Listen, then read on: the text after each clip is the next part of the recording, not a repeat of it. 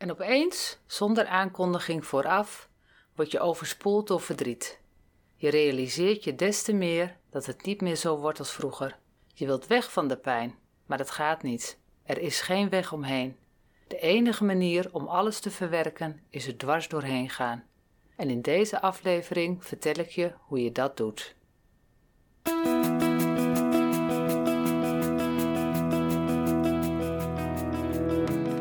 Wat leuk dat je naar podcast De Laatste Adem luistert. Mijn naam is Mirjam Koetsen en ik begeleid mensen die in de laatste fase van hun leven zitten, zodat ze deze periode op hun eigen wijze en op een waardevolle manier kunnen afsluiten. In de podcast ga ik het niet alleen hebben over rouw en rouwverwerking, maar komen ook onderwerpen aan de orde als afscheid nemen, uitvaartregelen, verwerken van trauma's, fit zijn en fit voelen, voeding, stress Ik wens je veel luisterplezier.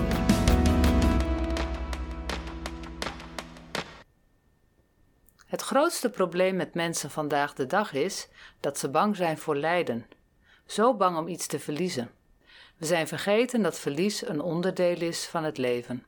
Deze uitspraak is van de schrijfster Isabel Allende. Zij is familie van Salvador Allende en hij was voormalig president van Chili. Hij is door een staatsgreep van generaal Augusto Pinochet is hij op mysterieuze wijze om het leven gekomen. En in het boek Paula beschrijft Isabel Allende het leven en sterven van haar dochter. Even in het kort. In vijf afleveringen bespreek ik de taken van rouw die we uit te voeren hebben.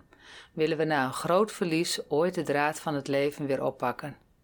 En die taken zijn de werkelijkheid onder ogen zien, de pijn van het verlies ervaren, je aanpassen aan de wereld na dit verlies, weer leren genieten en herinneringen bewaren. In dit derde deel ga ik dieper in op de tweede rouwtaak, de pijn van het verlies ervaren. Ik heb het wel eens eerder gezegd. Rouw ontstaat niet alleen na verlies van een persoon, maar ook bijvoorbeeld na verlies in de werksituatie of andere situaties. Maar als je naar de werksituatie kijkt, kun je denken aan reorganisaties, ontslag, degradatie of onrecht. Kenmerkend voor rouw is dat je niet voortdurend down bent, maar dat je soms overvallen wordt door hevige pijnscheuten. Je mist die of datgene waar je om rouwt heel erg. Hoe hevig de pijn is en op welke wijze je deze ervaart, is individueel verschillend. Het eerste jaar na een overlijden is vaak moeilijk, omdat alles dan voor de eerste keer is. Het eerste weekend alleen, de feestdagen alleen, verjaardagen, verjaardag van de overleden persoon, trouw- en gedenkdagen, vakanties, vaderdag, moederdag. Iemand verliezen, een baan kwijtraken, een vriend of vriendin kwijtraken, een scheiding, veroorzaakt niet alleen maar emotionele pijn, maar is ook letterlijk in je lijf te voelen. Niet dat er iets mis is met je lichaam, maar de reactie op verdriet kan zich lichamelijk uiten. Je voelt het in je borst, in je buik, hoofd of zelfs in de toppen van je vingers. Je hebt minder eetlust, slaapt slecht, je gedraagt je opgewonden of bent juist vermoeid en trek je terug uit sociale contacten. In deze periode kan er een grotere behoefte ontstaan om je lichaam te verdoven met bijvoorbeeld alcohol.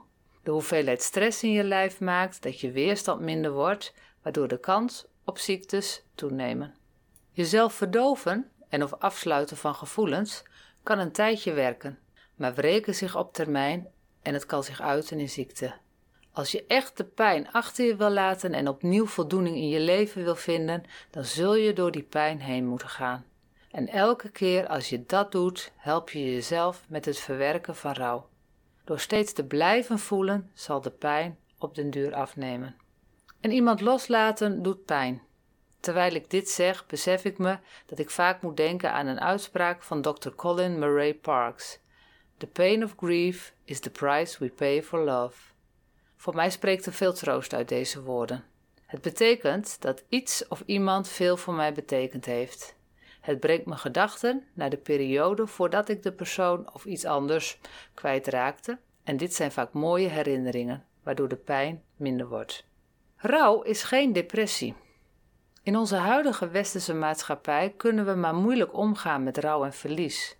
En mocht je nog deelnemen aan het arbeidsproces, dan krijg je volgens de CAO vijf dagen de tijd om te rouwen na verlies van een vader, moeder of kind. En dat is vaak net de periode dat de uitvaart is geweest en er veel geregeld moet worden. Je staat in de overlevingsstand en je bent aan rouwen nog helemaal nog niet toegekomen. Veel mensen hebben niet genoeg aan vijf dagen en belanden in de ziektewet. En daarmee ontstaat een beeld dat rouw een ziekte is. Niet kunnen concentreren, fouten maken, dingen vergeten, niets kunnen onthouden, snel afgeleid zijn. Het zijn allemaal zaken die op kunnen treden tijdens de rouw. Daarnaast komen lichamelijke klachten vaak voor, omdat de pijn zich ergens vastzet in het lichaam. Rebalancing of craniosacraaltherapie of andere lichaamsgerichte benaderingen kunnen helpen om die gestolde pijn die vastzit in het lichaam te helpen smelten. Rouwen is hard werk, kost de nodige emoties, energie en tijd, maar het is een normaal proces van gezonde mensen. Een tijdje niet kunnen functioneren doet misschien denken aan een depressie, maar dat is het niet. Depressie is een psychiatrische ziekte. Rouw is normaal gedrag van evenwichtige mensen. Niet goed verwerkt verlies kan vele jaren later sluimerend als een vage klacht de kop opsteken. En het is dan vaak niet altijd duidelijk wat de oorzaak van die klachten zijn. Het onderzoek komt meestal niet zoveel naar voren en is er niet echt een verklaring te geven voor de klachten. En een relatie met niet goed doorlopen rouw wordt niet zo gauw gelegd. Maar weet dat de rouw probeert zich via het lichaam een weg naar buiten te wringen. Je zult er dus echt doorheen moeten. Rouw kan gepaard gaan met boosheid en woede. Deze worden het meest geuit bij en op mensen die rondom de rouwende staan. En dat vergt heel veel van hun uithoudingsvermogen. Realiseer je als omstander dat de rouwende zich veilig genoeg bij jou voelt om dit te uiten.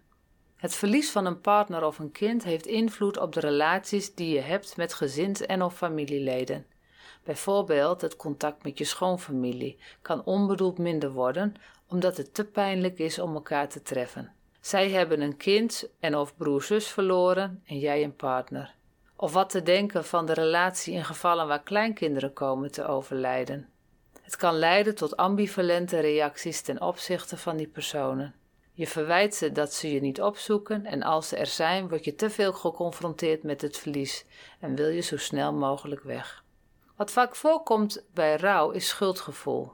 Mensen vragen zich dan af: had ik maar iets wel gedaan, of had ik maar iets niet gedaan, of had ik het anders moeten doen? Weet dat veel van die schuldgevoelens te maken hebben met liefde en verantwoordelijkheid. Je had iemand willen beschermen tegen een bepaalde situatie. En het helpt om over deze schuldgevoelens te praten. Het doorvoelen van pijn kost veel energie. En het is goed om daarom af en toe afleiding te zoeken, waardoor je de pijn voor een tijdje naar de achtergrond kunt dringen. Dat geeft je lichaam en geest de mogelijkheid om op krachten te komen. Voel je er dan ook echt niet schuldig over als je enkele uren of een paar dagen plezier hebt gehad. Voor de nabestaanden is het belangrijk dat er over de overledene gesproken kan worden als daar behoefte aan is en dat verdriet getoond mag worden. Mensen uit de omgeving kunnen daarom het beste onderwerpen aanraken en of mogelijkheden creëren om erover te praten. Dat betekent ook dat je mag vragen hoe het met de nabestaande gaat of de naam van de overledene noemt. Je hoeft niet bang te zijn dat je iemand opeens weer herinnert aan zijn of haar verdriet. Dit verdriet is continu aanwezig. Kortom, in deze aflevering heb ik het gehad over de pijn van het verlies ervaren. Weet dat de rouw geen depressie is, maar een normaal proces dat veel emoties, energie en tijd kost. En uitgestelde rouw kan tot onbegrepen klachten leiden.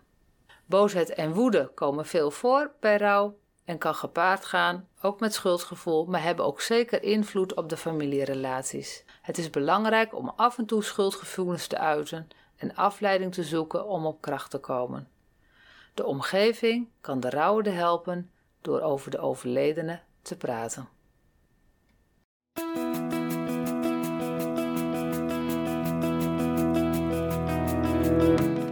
Dat was het alweer voor deze keer. Ontzettend leuk dat je naar deze aflevering van de Laatste Adem podcast hebt geluisterd. Voor nu een hele fijne dag. Vond je deze podcast leuk? Deel hem dan met vrienden en mensen in je omgeving. Tot de volgende keer.